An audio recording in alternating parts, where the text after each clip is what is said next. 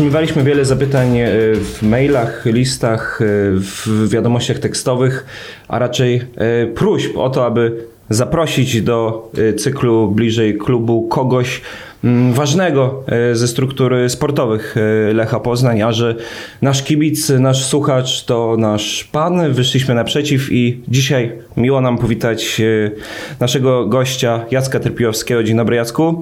Dzień dobry. Czyli szefa scoutingu Lecha Poznań. Jest to dziedzina taka z życia klubu, która fascynuje kibiców Lecha Poznań, jeżeli chodzi o zainteresowanie. Wszyscy są ciekawi tego, w jaki sposób to funkcjonuje, więc może na początek takie pytanie otwarte do ciebie, Jacku, na rozruszanie stron e, głosowych. W jaki sposób właściwie mm, ten dział funkcjonuje? Mamy tu na myśli strukturę. Ilu jest e, skautów oraz e, w jaki sposób właściwie działacie? działacie? Skautów obecnie, nasz dział scoutingu liczy obecnie mm, razem ze mną siedmiu skautów. Yy, Wielu z nich yy, łączy tak naprawdę tą funkcję jeszcze z innymi obowiązkami, bądź poza klubem, bądź w klubie. Mm, Tutaj liczę, że może to się w przyszłości zmieni, abyśmy mieli pełną dyspozycyjność naszych skautów i, i, i dla nich wszystkich było to podstawowe zajęcie. Natomiast w tej chwili tak to funkcjonuje. Nasi wszyscy skauci są z Poznania. To jest też coś, co od kilku lat się zmieniło, bo, bo początki były takie, że, że skauci też tak to wygląda w niektórych klubach. Kluby posiadają swoich skautów y, w danym regionie i, i ci skauci raportują.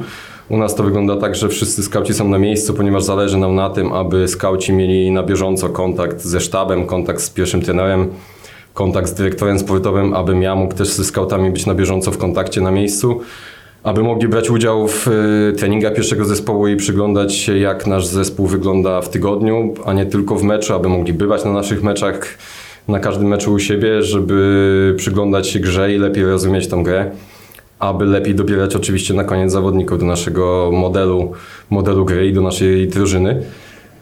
Tak naprawdę yy, no nasza praca polega na obserwacji wideo i obserwacji na żywo już na tym yy, kolejnym etapie, bo, bo, bo zaczynamy de facto od yy, podziału lig. Yy, Każdy scout ma przypisanych yy, po dwie, trzy ligi. To jest też tak, że yy, jeśli uznamy, że z danej ligi nie będziemy w stanie sprowadzić zawodnika na daną pozycję, może to wynikać z tego, że struktura wieku w danej lidze, tak jak na Cyprze na przykład, są to zawodnicy dosyć wiekowi, a my nie chcemy sprowadzać e, 30-latków, w związku z tym możemy uznać, bądź też poprzez analizę grających tam wszystkich, dajmy na to, środkowych obrońców, zauważymy, że, że właściwie z młodych, powiedzmy, czy do tego dw- w 27 roku życia znajduje się tam tylko dwóch, trzech, no to taką ligę bardzo szybko możemy zweryfikować i poszukać yy, i zająć się inną ligą i wtedy taki scout yy, może mieć podmienioną po miesiącu ligę, za którą zacznie odpowiadać. Mm, No i tak to właściwie to jest na pierwszym etapem mm, podział tych lig, przydzielenie skautom lig, za które odpowiadają. Również to, co wprowadziliśmy, to są reprezentacje, no bo, bo też wychodzimy z założenia, że, że jest to w pewnym sensie już przeprowadzona selekcja. Yy, czyli najlepsi zawodnicy, którzy tam trafiają yy, z danej narodowości. I to przyspiesza ten proces y, wyszukania tych zawodników, dlatego skupiamy się ostatnio także na, na, na czy też podzieliliśmy, zawsze się skupialiśmy, ale podzieliliśmy sobie tą odpowiedzialność po, y, jeśli chodzi o reprezentację i, i, i, każdy ze skautów odpowiada za, za kilka z nich. Y, No i to jest właściwie pierwsza, pierwszy moment przed każdym okienkiem. Staramy się też tych lig zbyt często nie zmieniać, aby dany scout pracujący od jakiegoś czasu i mający pracować jeszcze przez jakiś czas w naszym dziale odpowiadał za daną ligę przez kilka sezonów, bo to ułatwia rozeznanie w poziomie tej ligi. Yy, może śledzić losy danego zawodnika, zobaczyć jak się ona rozwija i, i, i, i, i wtedy łatwiej mu jest ocenić, czy ten poziom, jak, i przyrównać ten poziom do polskiej ligi. Stąd yy, nie chcemy zbyt częstych zmian, jeśli chodzi o yy, przypisane ligi. Yy, No i cóż, no mamy określone modele, mamy określone profile zawodników na dane pozycje, czy to piłkarskie profile, ale także wszystkie yy, cechy, charakterystykę danego zawodnika, to, to, to w jakim wieku nam zależy, aby ten zawodnik był, z jakim doświadczeniem. Zaczynamy od, też od tego, aby sprawdzić, jakim zawodnikom się kończą kontrakty, no bo to jest ważne, aby szybko zareagować i taki zawodnik nie zdecydował się na przedłużenie, nie wiedząc, że może mieć szansę trafić do, do Lecha, nie wiedząc o naszym zainteresowaniu. Ustalamy cele transferowe. Tutaj po konsultacji z dyrektorem sportowym, z pierwszym trenerem sprawdzamy, komu się nasz, z naszych zawodników kończy kontrakt, gdzie potrzebujemy y, lepszych zawodników na jakiej pozycji, mm, gdzie jest jakiś potencjał sprzedażowy, to znaczy y, ryzyko, że zawodnik może odejść w najbliższym okienku, bo otrzyma bardzo dobrą ofertę i na tej podstawie oceniamy sobie cele transferowe, czyli pozycje, na które chcemy, na których chcemy wzmocnić nasz zespół w najbliższym okienku. Po określeniu celów mamy ich profile, jak wspomniałem, no i później zaczyna się właściwie no, ta najważniejsza część, czyli obserwacja wideo z zawodników yy, przez danego skauta, tworzenie rankingów na dane pozycje, yy, ocenianie tych zawodników najpierw w meczach na wideo, yy, następnie na podstawie rankingów i, i sugestii danego skauta zaczynamy jeździć na tych zawodników i oglądać ich na żywo. Zaczyna się też tak zwana obserwacja krzyżowa, czyli polecani zawodnicy z, przez jednego skauta są oglądani też przez innych skautów, aby mieć opinię, e, kilka opinii. E, skauci też muszą przygotowywać profile wideo takich zawodników. Nawiązujemy kontakt z agentem, mm, aby zrobić też rozeznanie, na ile zawodnik jest w ogóle zainteresowany e, grą w Polsce, grą w Lechu Poznań i na ile jest na ile, jakie są szanse, abyśmy mogli takiego zawodnika sprowadzić, jeśli chodzi o jego kwotę transferową albo, albo oczekiwania kontraktowe. Mm, no i jeśli wiemy, że jest szansa, jest prawdopodobieństwo, no to wtedy możemy śmiało jechać na żywo, zobaczyć takiego zawodnika kilka razy, najlepiej przez kilku różnych scoutów. Mm, na pewnym etapie zaczynamy prezentować także tych zawodników, y, czy to dyrektorowi sportowemu, czy pierwszemu trenerowi, aby aby, aby oczywiście mieć feedback, e, czy zmierzamy w dobrym kierunku, a być może trener wolałby, abyśmy akcent na co innego położyli w przypadku zawodnika na daną pozycję. No i, i, i staramy się, jeśli jesteśmy już coraz mocniej przekonani do zawodnika, staramy się przekonać też zawodnika do siebie. E, bądź przez jakieś nasze filmiki na temat klubu, aby, bo, bo, niestety zawodnicy czasem nie do końca kojarzą Lecha Poznań, grający szczególnie w tych ligach e, topowych, a z takich lig chcemy zawodników sprowadzać. No więc musimy im trochę przybliżyć, jaką rolę mieliby pełnić w naszym klubie, czym jest, jakim klubem jest Lech Poznań. Yy, no i, i, i, rozpoczynamy negocjacje. No, rozpoczynamy próby przekonania, spotkanie, próbujemy doprowadzić do spotkania z zawodnikiem, czy to po meczu, po jakiejś obserwacji, obserwacji na żywo. Ostatnio to było trudniejsze, bo mogliśmy tylko to, to y, robić online, czyli trener bądź dyrektor sportowy um, rozmawiał z zawodnikiem online. Mm, ale też udało się kilka tych obserwacji na żywo przeprowadzić, nawet w tym czasie ostatnim covidowym. Yy, rozpoczynamy negocjacje i próbujemy się dogadać z zawodnikiem. Po części też, yy, czy też na jednym z wcześniejszych etapów, yy, na pewno próbujemy zrobić też szeroki wywiad środowiskowy. Staramy się skontaktować z osobami, które pracowały w klubach, w których dany zawodnik grał dotychczas wcześniej w swojej karierze, z jego kolegami z szatni, z wcześniejszych drużyn. Robimy rozeznanie wśród osób, które funkcjonują na co dzień w danej lidze bądź w danym kraju. Mamy mm, wiele kontaktów, czy to Piotr Rutkowski, czy Tomasz Rząsa mają wiele kontaktów, ale również my poprzez liczne obserwacje i kontakty mamy, mamy bogatą tą sieć kontaktów. Oczywiście szukamy e, różnych informacji w internecie, śledzimy media społecznościowe zawodnika, aby mieć pewność, e, że nas niczym nie zaskoczy w e, momencie, jak już się z nim dogadamy i do nas trafi i przejdzie testy medyczne i, i znajdziemy porozumienie. No i jeśli na końcu na komitecie transferowym wszystko się zgadza, to znaczy i scouting poleca zawodnika i, i, i, i, nie ma nic niepokojącego w jego wywiadzie środowiskowym, finansowo jesteśmy w stanie się dogadać, trener, dyrektor sportowy są też na tak, no to, to dochodzi w, do podpisania kontraktu i, i zawodnik trafia do Lecha. Tak mniej więcej wygląda ten cały proces scoutingowy, nasza organizacja pracy mniej lub bardziej ogólnie bo jeszcze można oczywiście zagłębić się bardziej szczegółowo w niektóre etapy. No muszę przyznać, że imponujące posiadanie mikrofonu jak na razie, jeżeli chodzi o twoją osobę, ale pozwolimy sobie dopytać oczywiście o wiele tych kwestii, które poruszyłeś. Będziemy mogli sobie teraz właśnie mm, rozwijać, jeszcze tutaj trochę się w nie wgłębić. Zacząłbym od tej, o której mówiłeś, odnośnie samych zawodników i lig, które obserwujecie. Mm, ilu tych zawodników na swoich radarach macie? Ilu zawodników jest w jakiejś tam szeroko pojętej bazie, których już obserwowaliście, którymi się już interesowaliście, którzy gdzieś na tych rankingach zafunkcjonowali? No i oczywiście, ile tych lig e, na tych radarach jest?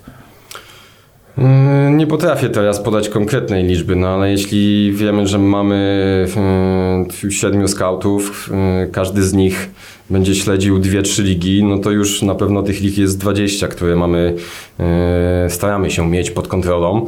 Mm, oczywiście dochodzą kolejne ligi, tak jak wspomniałem, jeśli się okaże, że w lidze cypryjskiej nie ma kandydatów do transferu albo na jakimś etapie po obserwacji skauta okaże się, że to jest zbyt niski poziom zawodników, którzy, którzy grają w tej lidze na danej pozycji, no to w tym momencie dorzucamy kolejne ligi i tym sposobem yy, poszerzamy tą listę lig. Yy, oczywistym jest, że nie śledzimy lig yy, top 5, no bo, bo, bo... Nawet tych gorszych klubów z top 5? Mam na myśli tych zdolszy, zdolnych rejonów tabeli. Nie, mówię tutaj Też. o tych e, w, w, ligach top 5, czyli mm. pierwszym poziomie rozgrywkowym w tych wszystkich ligach. Okay. Hiszpańskiej, mm -hmm. lidze e, angielskiej, włoskiej, francuskiej mm -hmm. czy niemieckiej. Drugą mhm. Bundesligę jak najbardziej. -hmm. Drugą ligę francuską również.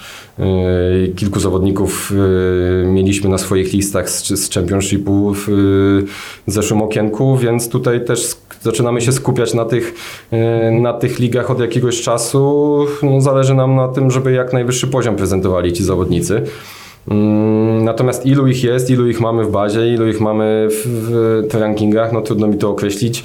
Myślę, że takich, których y, braliśmy pod uwagę, jeśli chodzi o mm, jak u nas jest to, to, to nazywane już weryfikacją transferową, czyli takim ostatnim etapem, y, na którym każdy ze scoutów musi ostatecznie y, podać swoją decyzję co do zawodnika, co do transferu zawodnika i, i, i jakie rangi miałby być to transfer.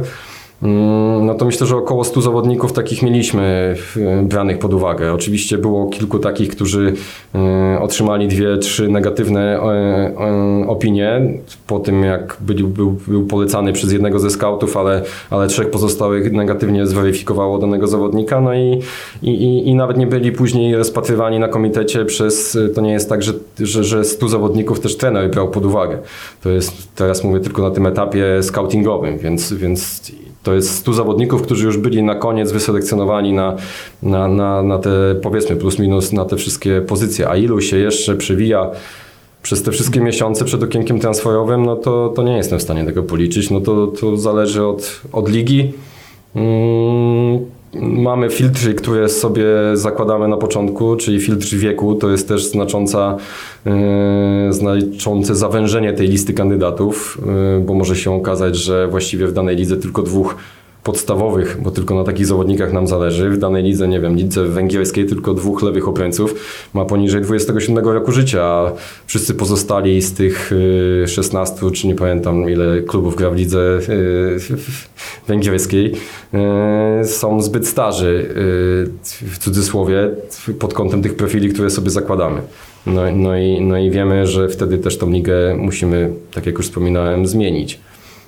Mhm. A jak na ile sztywne są te zasady, jeżeli chodzi właśnie o ten profil poszukiwanego piłkarza? Powiedzmy, że e, Stoper powinien mieć, dajmy na to 188 cm, powinien być powyżej yy, tam 22 roku życia, ale młodszy niż 26 lat dajmy na to oczywiście, y, mieć wyprowadzenie prawą nogą, mieć taki, taki y, określony styl grania, a co jeżeli tej jednej rzeczy mu będzie brakować? Powiedzmy, że przekroczy ten wiek o rok, albo ta liczba centymetrów będzie za mała o, o jeden centymetr, to my się w jakikolwiek sposób do tego adaptujemy, w sensie dział scoutingu Lecha Poznań, czy też e, to jest bardzo sztywne i e, poza pewne ramy nie wychodzimy? Najważniejszy jest profil piłkarski, czyli zawodnik musi mieć jakość, mówiąc po i pasować do naszego profilu piłkarskiego, czyli e, ten profil piłkarski wynika z tego, jak chcemy grać, jaki styl gry chcemy prezentować, jaki mamy model gry. E, więc jeśli dajmy na to, środkowy obrońca jest mm, słaby technicznie, no to w Lechu Poznań będzie mu y, ciężko grać przy naszym stylu gry. Więc profil piłkarski jest absolutnie najważniejszą rzeczą, do której zawodnik musi pasować. Jasne, że jak mamy 7 elementów w tym profilu piłkarskim, no to niestety tak jak wspomniałem, nie oglądamy top 5 i zapewne zawodników, którzy kosztują 40 milionów euro, znaleźlibyśmy pasujących idealnie do każdego z tych siedmiu elementów. I tu też na pewien kompromis możemy pójść, ale nie tak, że kompletnie, yy, że szukamy szybkiego skrzydłowego, a on jest nie jest w stanie rozwinąć e, prędkości powyżej 30 km i, e, i tak się decydujemy, bo jest, to, bo jest to dla nas powiedzmy element, który jest kluczowy na tej pozycji. Natomiast jeśli chodzi o pozostałe kwestie, no to jasne, tak? Jeśli zakładamy sobie, że środkowy obrońca ma mieć 187 cm i będzie miał 186, to go nie skreślimy. E, co do wieku staramy się raczej tutaj trzymać tych założeń i na tych pierwszych szczególnie etapach liczymy na to, że w Europie znajdziemy zawodników, którzy będą pasować pod kątem wzrostu, pod kątem e, wieku do naszego profilu. E, chcielibyśmy oczywiście, żeby to był reprezentant kraju i miał doświadczenie w europejskich pucharach i tak dalej, więc tu z pewnych rzeczy musimy siłą rzeczy rezygnować z czasem. Mm, ciężko nam, najciężej myślę, najtrudniej przychodzi nam łamanie tej granicy wieku.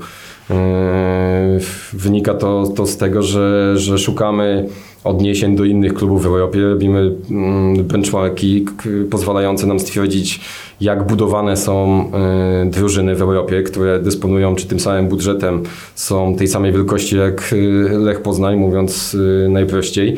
E, natomiast są w stanie osiągać większe sukcesy w, w, Europie, bądź też większą powtarzalność w swoich ligach i staramy się z tego troszkę przenieść i okazuje się, że te kluby mm, mają dużo na przykład niższą średnią wieku e, swoich drużyn, czy też pierwszych jedenastek. No to, to, to, to też na tej może na razie małej próbce e, naszych sukcesów Lecha Poznań w poprzednich latach też widzieliśmy, że w sezonach mistrzowskich nasze kadry były jednymi z młodszych jedenastek w, w, w ostatnich kilku kilku, kilkunastu latach e, Lecha Poznań, więc mm, kierujemy się tym jako jednym z mm, może nie, nie daje to oczywiście żadnej gwarancji, tak, ale jednym z, z elementów, które mogą być, zwiększyć prawdopodobieństwo odniesienia sukcesu mamy swoją filozofię budowania kadry, swoją strukturę kadry i jej się chcemy trzymać, aby to też tak nie wyglądało, że dzisiaj bierzemy 32-letniego zawodnika, jutro bierzemy 20-latka mm, i, i, i co okienko inny profil szukanych zawodników. Chcemy mieć jakąś swoją tożsamość i według zgodnie z tą tożsamością budować, budować tą drużynę.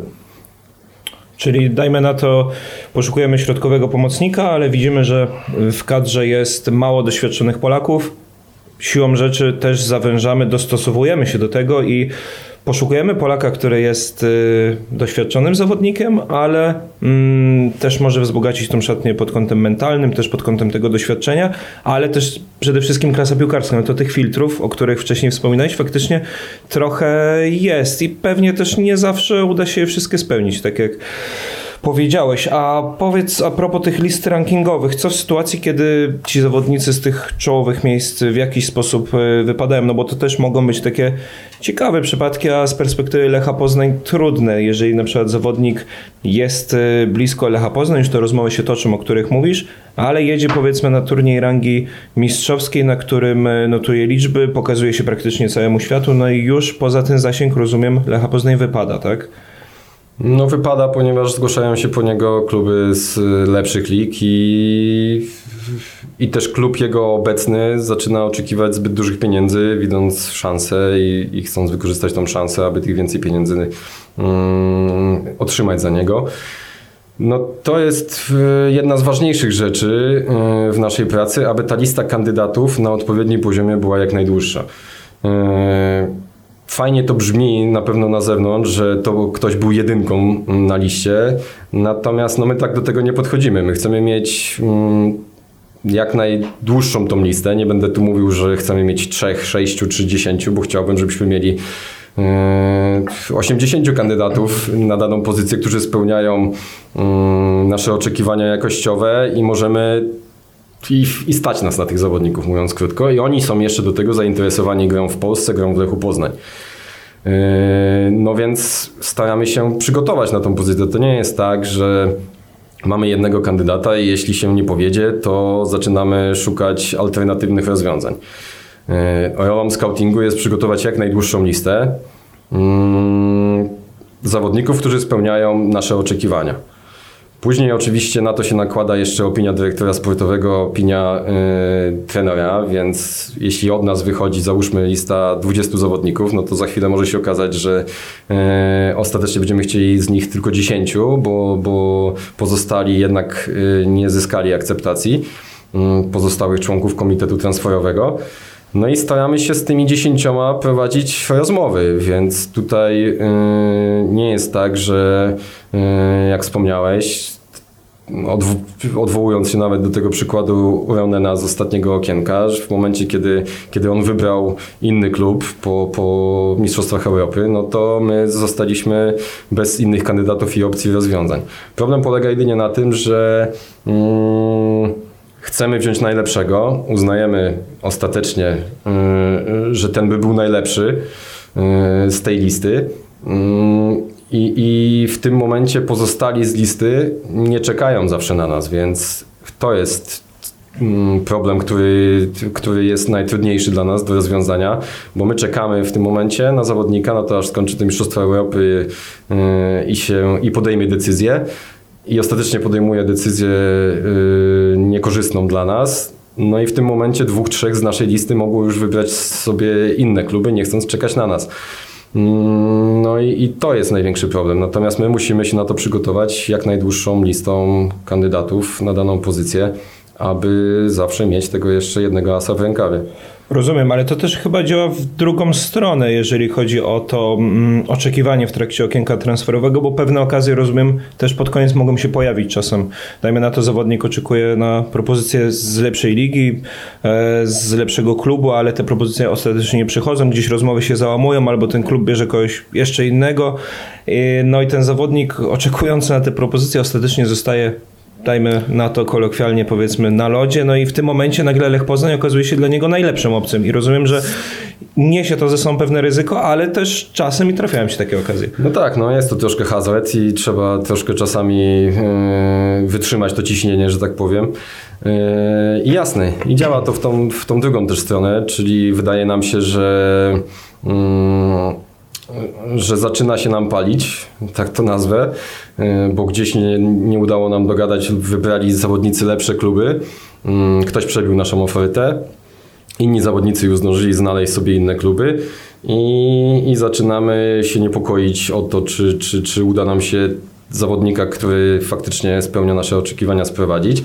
I w tym momencie, tak jak mówisz, albo pojawia się y, sytuacja, że, że dany zawodnik się gdzieś nie dogadał, bądź to też ma często miejsce, agent zawodnika, klub oczekiwał zbyt dużych pieniędzy i zdał sobie sprawę po miesiącu okienka transferowego, że takie oferty nie y, wpłyną do klubu, w związku z tym zmniejsza oczekiwania i my możemy wejść do gry. Bądź dana drużyna odpada z europejskich pucharów i klub musi się ratować sprzedażą zawodników, aby spiąć swój budżet i w tym momencie znowu pojawiają się okazje. No oczywiście nikt nie chce czekać do 31 sierpnia, z, kiedy już jesteśmy w, po sześciu meczach nowego sezonu mm, i dopiero wtedy ściągać zawodnika. Najlepiej byłoby mieć wszystkich od 1 lipca, ale jasne, czasem, czasem y, faktycznie można na tym skorzystać.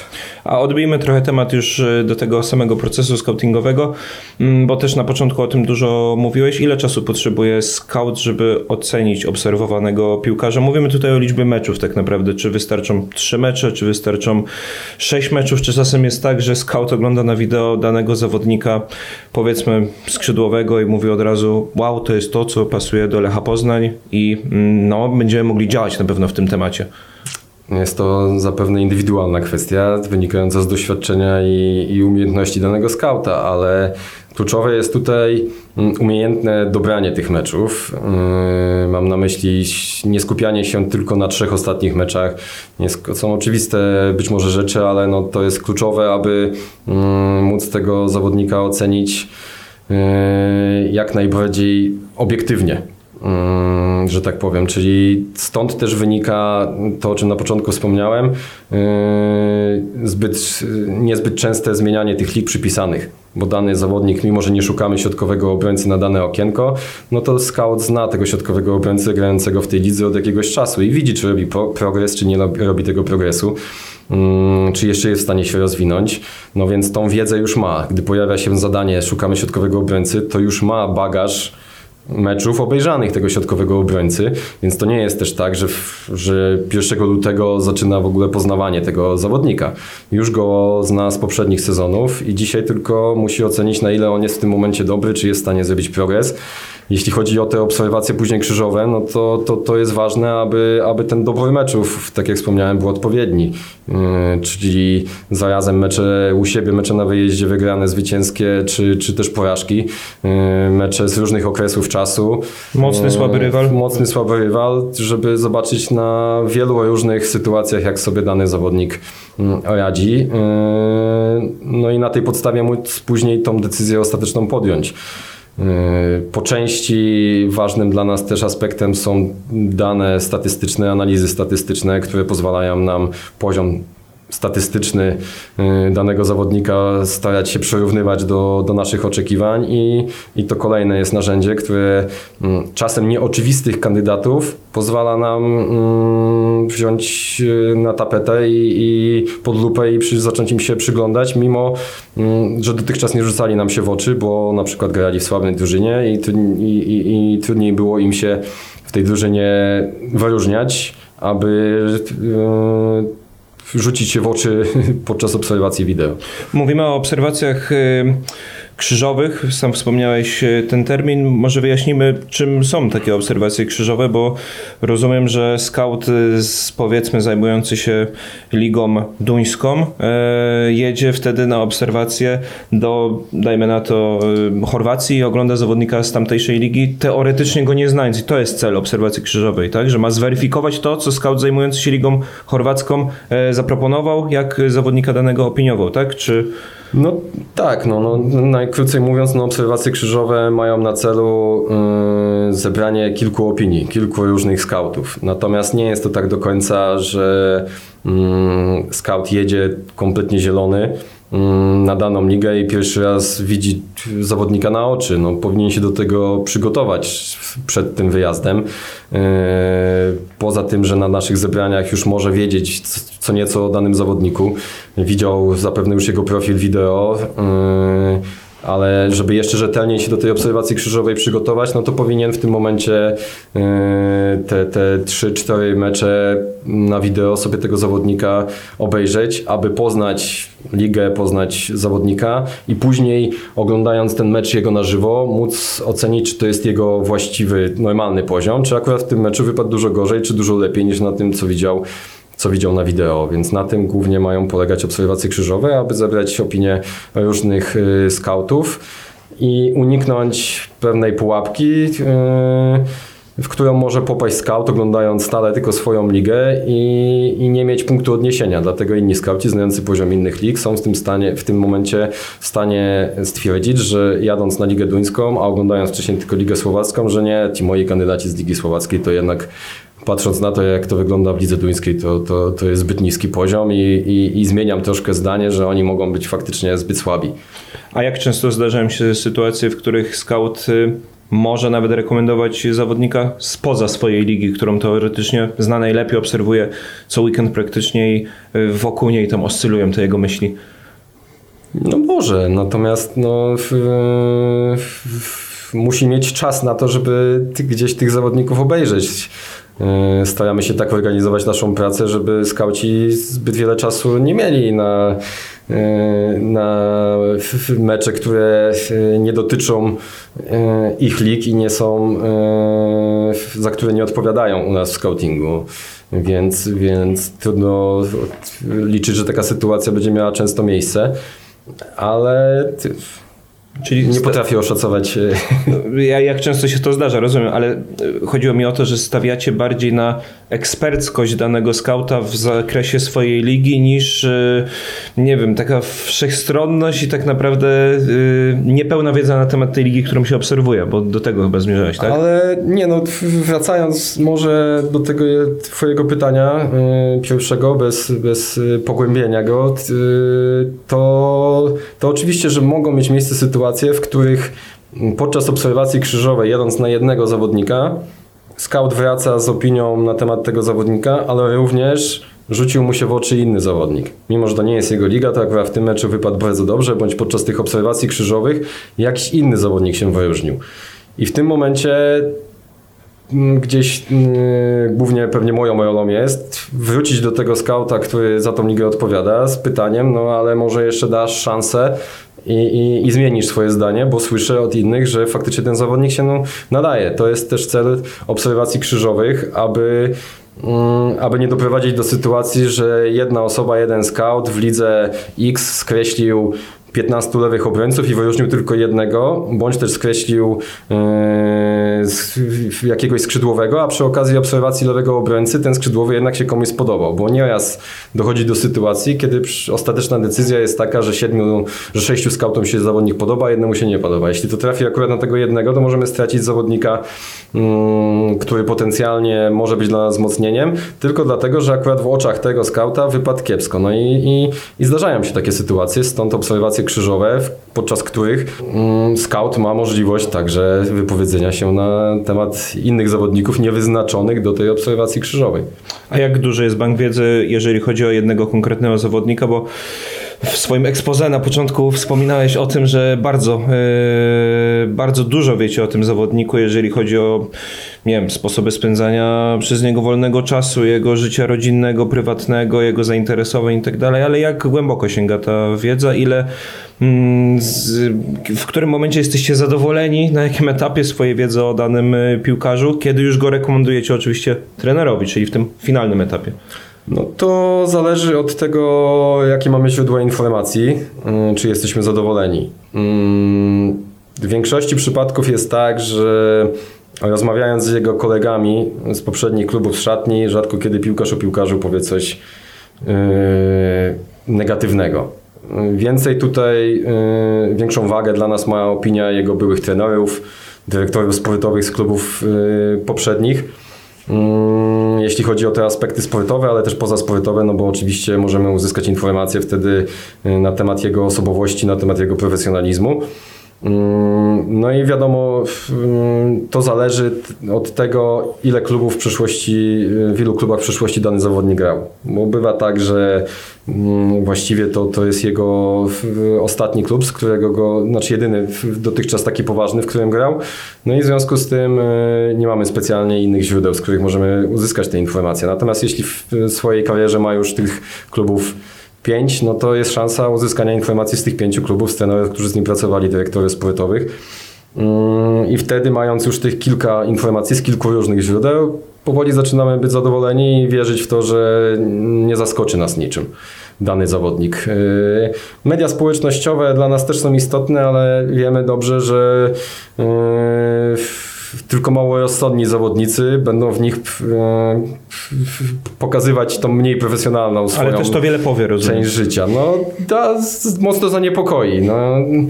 E, natomiast no, później to trzeba oczywiście skonfrontować w jakiś sposób i nałożyć na to lekki filtr, no bo nikt nikomu nie zabrania e, spotkań towarzyskich i wrzucania zdjęć z tych spotkań towarzyskich. No więc natomiast oczywiście zapala się tu już delikatnie nam czerwona lampka i szukamy źródeł i, i wtedy rozmawiając z trenerami, jego poprzednimi bądź dyrektorami, dopytujemy o te kwestie, również jeśli oni sami nie wspominają, że to stanowiło jakiś problem u danego zawodnika. Yy, też czasem y, przygotowujemy taki profil psychologiczny zawodnika, czyli zlecamy y, pani psycholog, z którą y, współpracujemy, danego zawodnika, czy też jego analizę psychologiczną. Na podstawie jego wywiadów w mediach, informacji, które nam się udało zebrać z terenu, jego mediów społecznościowych, aby przygotowała jego profil, który w dużym stopniu też później może być wykorzystany przez pierwszego trenera,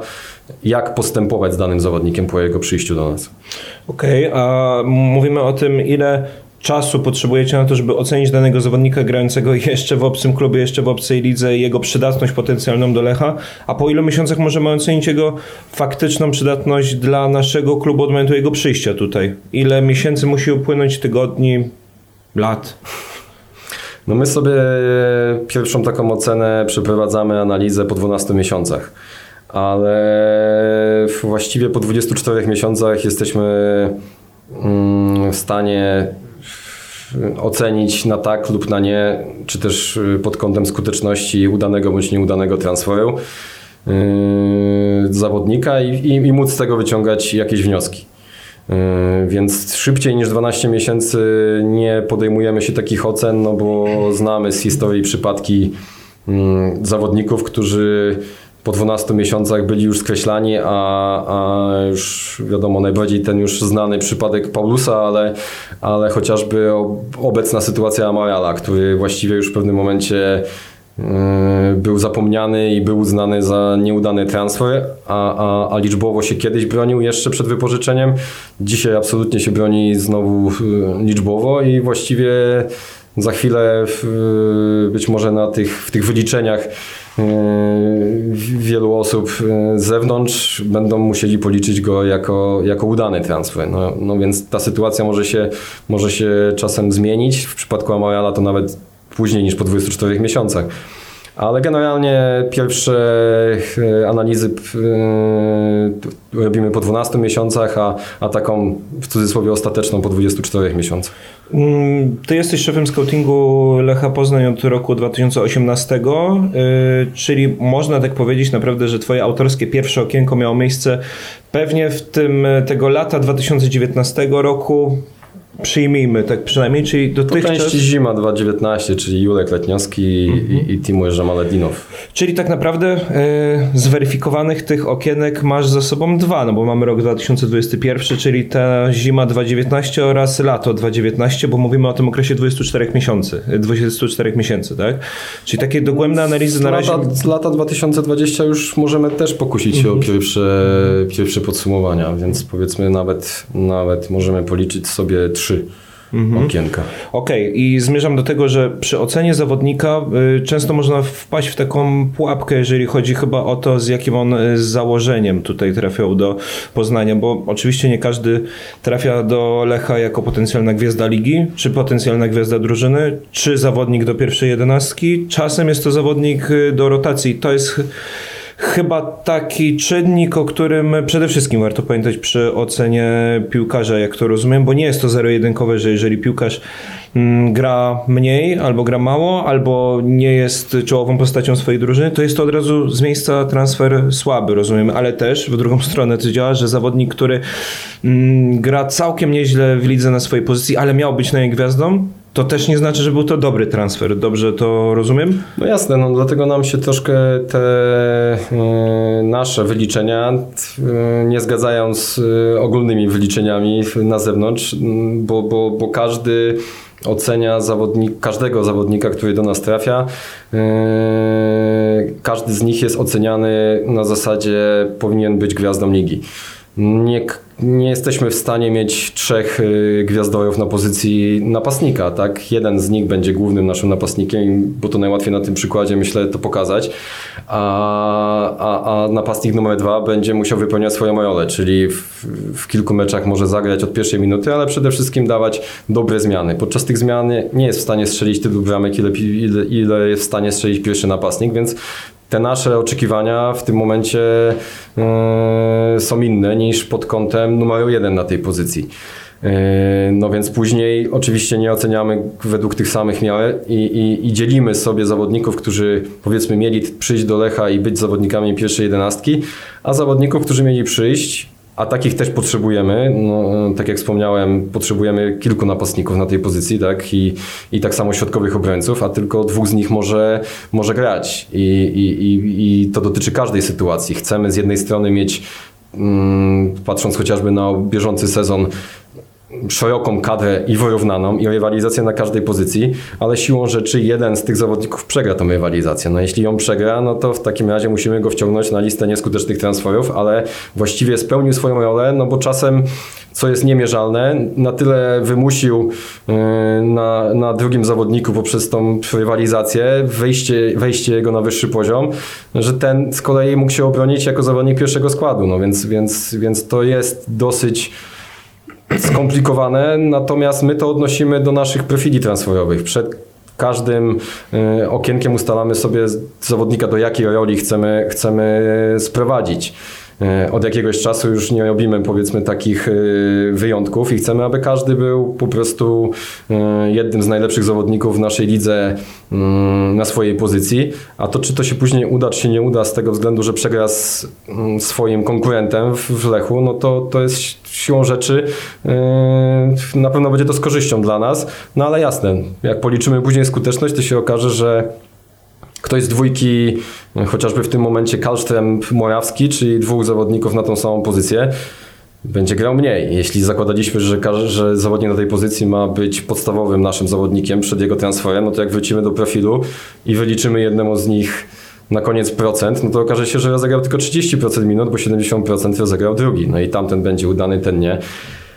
Stąd to, to, to, to, nie jest żadne usprawiedliwienie i, i, żadne naciąganie, natomiast no tak to później na koniec y, wygląda, że, że Timur Żamaledinow nie strzeli tylu bramek, ile strzelił Gytkier. No i, i, i, dla nas ważne jest, czy spełnił swoją rolę w tych kilku meczach, wchodząc z ławki, bądź, bądź musząc zastąpić tego Gytkiera i tych bramek, nie wiem, strzelił 4 czy, czy 5 w przeciągu całego sezonu. Zamykając ten temat oceny piłkarzy, jaka skuteczność scoutingu generalnie, nie mówię tylko o naszym klubie, ale generalnie w scoutingu, jest uznawana jako przyzwoita, jako dobra, jako ta pożądana? Jak najwyższa. Z każdym okienkiem. Da się wskazać to jakoś wyższa. procentowo, czy. No jeśli uwzględnimy to, o czym przed chwilą wspomniałem, czyli siłą rzeczy jeden z y, dwóch transferowanych zawodników na tą samą pozycję będzie grał mniej, no to, to koniec końców mm, być może będziemy musieli go uznać według tych wytycznych, które sobie na początku zakładaliśmy, że ich nie spełnił naszych założeń i w związku z tym będzie, będzie nieudanym transferem. No więc więc y, no, nas by satysfakcjonował, tak jak wspomniałem, widoczny progres z roku na rok. Tych zawodników byłoby coraz więcej. O 100% jest to niemożliwe, no bo, bo żaden klub w, w, na świecie nie ma stuprocentowej skuteczności transferowej, więc, yy, więc, więc nawet yy, ostatnim tygodniu y, Bartek Grzelak, y, szef naszego nowo powstałego Science Department był na konferencji w Londynie, gdzie Liverpool przedstawiał y, wykorzystanie danych w procesie scoutingowym. No i oni określają na 50% skuteczność transferów w całej Premier League, że 50% transferów w Premier League jest udana, 50% nie jest udana. I oni właściwie też sobie zakładają, że to jest takie minimum. I nie szukają maksimum, tylko przynajmniej połowa transferów do klubu. E, mówię, oczywiście mam na myśli te, te, tych zawodników, którzy mają grać w pierwszym e, zespole, a nie żeby ten, ten procent wypełniał z całym szacunkiem Timur Żamaledinow jako, jako zawodnik przychodzący do rotacji. E, natomiast no, oni sobie zakładają, że jak 50% jest, to jest przyzwoicie, natomiast wszystko powyżej to już jest wynik, wynik dobry. Mm, to, to, to, co nas będzie satysfakcjonowało, no to, to, to jasne, że, że jak najwyższy współczynnik tej skuteczności. I też myślę, że tak z doświadczeniem powiedział, że jeśli będziemy prezentować przynajmniej 50%, to będzie, będzie ok. Natomiast no, oczywiście chciałoby się mieć te 75%, dajmy na to, bo takie okienka w historii Lecha się zdarzały, yy, że 75% transferowanych zawodników było, było transferami udanymi. I, i do tego gdzieś sobie tak chcemy dążyć, ale, ale nie trzymałbym się, że to wtedy dopiero możemy powiedzieć, że, że, że jest dobrze. Dobrze, no zaspokoiłeś moją ciekawość, jeżeli chodzi o oszacowanie tych, tych, tych e, proporcji, ale z racji na to, że jest to podcast, e, którego nazwa brzmi bliżej klubu, jeszcze chcielibyśmy na koniec poznać e, trochę lepiej Jacka Trypiłowskiego, bo ty trafiałeś do Lecha Poznań niespełna 10 lat temu, a raczej 10 lat temu z okładem, ale niespełna od niespełna 10 lat jesteś skautem zatrudnionym na pełen etat w klubie. No i tak pamiętam, że ty zaczynałeś u świętej pamięci Andrzeja Czyżniewskiego w Lechu Poznań, czyli no 10 lat z okładem faktycznie, za którego kadencji do Lecha Poznań trafiali m.in. Robert Lewandowski, Semir Stilic, Iwan Dżurdziewicz i wielu innych znakomitych piłkarzy, którzy odcisnęli swoje piętno w historii tego klubu. Mm, z racji na to, że jest to nieco inna epoka w porównaniu do tej dzisiejszej, no nie sposób zapytać o różnicę między, scoutingu, e, między scoutingiem ówczesnym a tym obecnym. Chodzi tylko i wyłącznie o liczbę narzędzi, jakimi się dysponuje, czy też te, to są już dwa światy, jeżeli chodzi o, o te dwie kwestie? No, wydaje mi się, że, że, że ten postęp technologiczny to jest e, jeden z ważniejszych, jedna z ważniejszych różnic między tamtym okresem a obecnym. Mm, no, no wtedy z reguły wyglądało to tak, że to był jeden wyjazd i po jednym meczu na żywo y, decyzja zapadała. Dzisiaj możemy na tych meczów na żywo polecieć więcej. Y, więc, więc to jest kolejna różnica, o której warto myślę wspomnieć. No, no kwestia oczywiście doświadczeń, tak, umiejętności, bo, bo, bo właściwie tamten etap e, i te początki jako pionierzy zapewne w, w, jako Lech Poznań e, był tworzony w ogóle coś takiego jak dział scoutingu. Dzisiaj, dzisiaj funkcjonuje on prawie w każdym klubie, wydaje mi się, ekstraklasy, mm, więc ta świadomość e, rangi, znaczenia tego całego procesu, aby on był rzetelnie przygotowany, e, to doświadczenie z tych poprzednich lat, no siłą rzeczy to doświadczenie jest, jest też tą różnicą między tymi okresami, ale, ale myślę, że taka, taka właśnie ta świadomość też wszystkich osób, które zajmują się scoutingiem, jakie to ma duże znaczenie. Yy, aby ten proces był przeprowadzony odpowiednio dla, dla, dla odpowiedniego wydatkowania dla budżetu, ale też dla, dla kwestii sportowych, budowania drużyny, aby to wszystko było pod kontrolą. Myślę, że, że my jako polskie kluby i tak słuchając, patrząc, widząc na konferencjach, jak funkcjonują mm, kluby ze wspomnianych chociażby top 5 z Ligi Angielskiej, Ligi Włoskiej i, i tych wszystkie, te wszystkie kluby z topu, no to cały czas mamy dużo jeszcze do, do nadrobienia. Dzisiaj y, powiedziałbym, że, że, że w ten okres, kiedy my zaczynaliśmy tak naprawdę w Polsce myślenie o scoutingu, a przede wszystkim w Lechu, czyli ponad te 10 lat temu, y, to właściwie w tych klubach, jak pamiętam, będąc w Manchesterze City na stażu w 2011 roku, to oni z kolei zajmowali się już tym, czym my się teraz zaczynamy zajmować, czyli wykorzystaniem danych do, y, w tym procesie scoutingowym, więc to jest mniej więcej też taka różnica patrząc na, na nas, a, a ten świat y, stopu piłkarskiego. Mm, no i to tak samo wygląda dzisiaj, czyli, czyli ta dostępność narzędzi i, i świadomość znaczenia tego scoutingu w porównaniu do tego okresu, jak, o jakim wspomniałeś, czyli te 10 mm, ponad lat temu. To twoja przygoda w Lechu Poznań nie przebiegała jednotorowo, nie był to tylko dział scoutingu oraz y, od trzech lat y, szefowanie temu działowi. W międzyczasie, i to nie tak całkiem e, przez krótki okres, bo przez ponad 8 lat e, pracowałeś także w dziale analiz pierwszej drużyny Lecha Poznań, no i w tym czasie dwa złote medale, dwa srebrne medale, dwa brązowe medale e, gdzieś zawiesiłeś w pokoju w domu. Mm, jak ty wspominasz okres pracy w dziale analiz? Mam na myśli tutaj przede wszystkim pod kątem przenikania się tych światów ze scoutingiem, no bo Tutaj rozumiem dominowały pewnie nauki ścisłe, liczby, na analityczne podejście do tematu, czyli trochę też zazębiały się chyba te funkcje, przynajmniej w pewnych obszarach.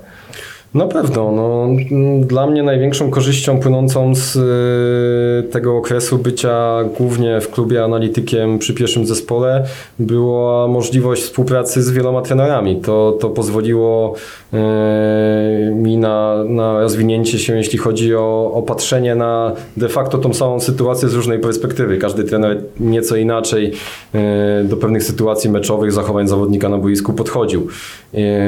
I to była taka wiedza, wiedza bezcenna i, i, i też będąc w jednocześnie y, po części w scoutingu y, widziałem jak z perspektywy scoutów dany zawodnik jest oceniany, a jak później trener ocenia i jakie ma trener oczekiwania co do zawodnika naszego zespołu. I, i, i to pozwalało mi nieco łatwiej e, niż skautom, którzy tylko zajmują się, się scoutingiem, połączyć te dwa spojrzenia i wyciągnąć z tego e, gdzieś wspólny mianownik, aby, aby nie zamykać się tylko w tym takim scoutingowym spojrzeniu, ale też, e, też móc wykorzystać to, te oczekiwania i to spojrzenie mm, różnych trenerów, na, na różnych zawodników i, i, i to właściwie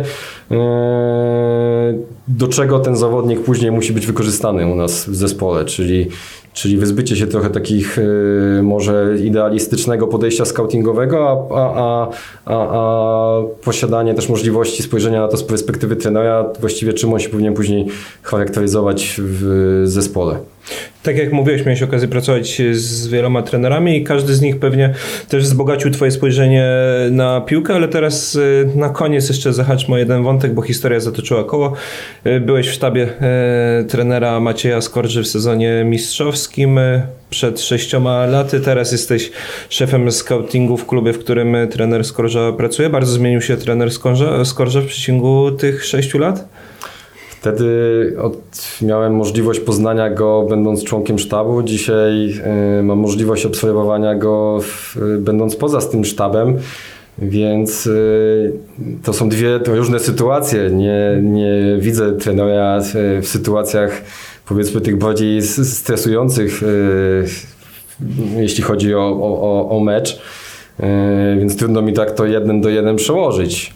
I to na dzisiaj już tyle, jeżeli chodzi o podcast y, bliżej klubu. Naszym gościem był szef scoutingu Lecha Poznań Jacek Terpiłowski, a my zachęcamy już do oglądania dalszych odsłon y, naszego cyklu. Dziękujemy.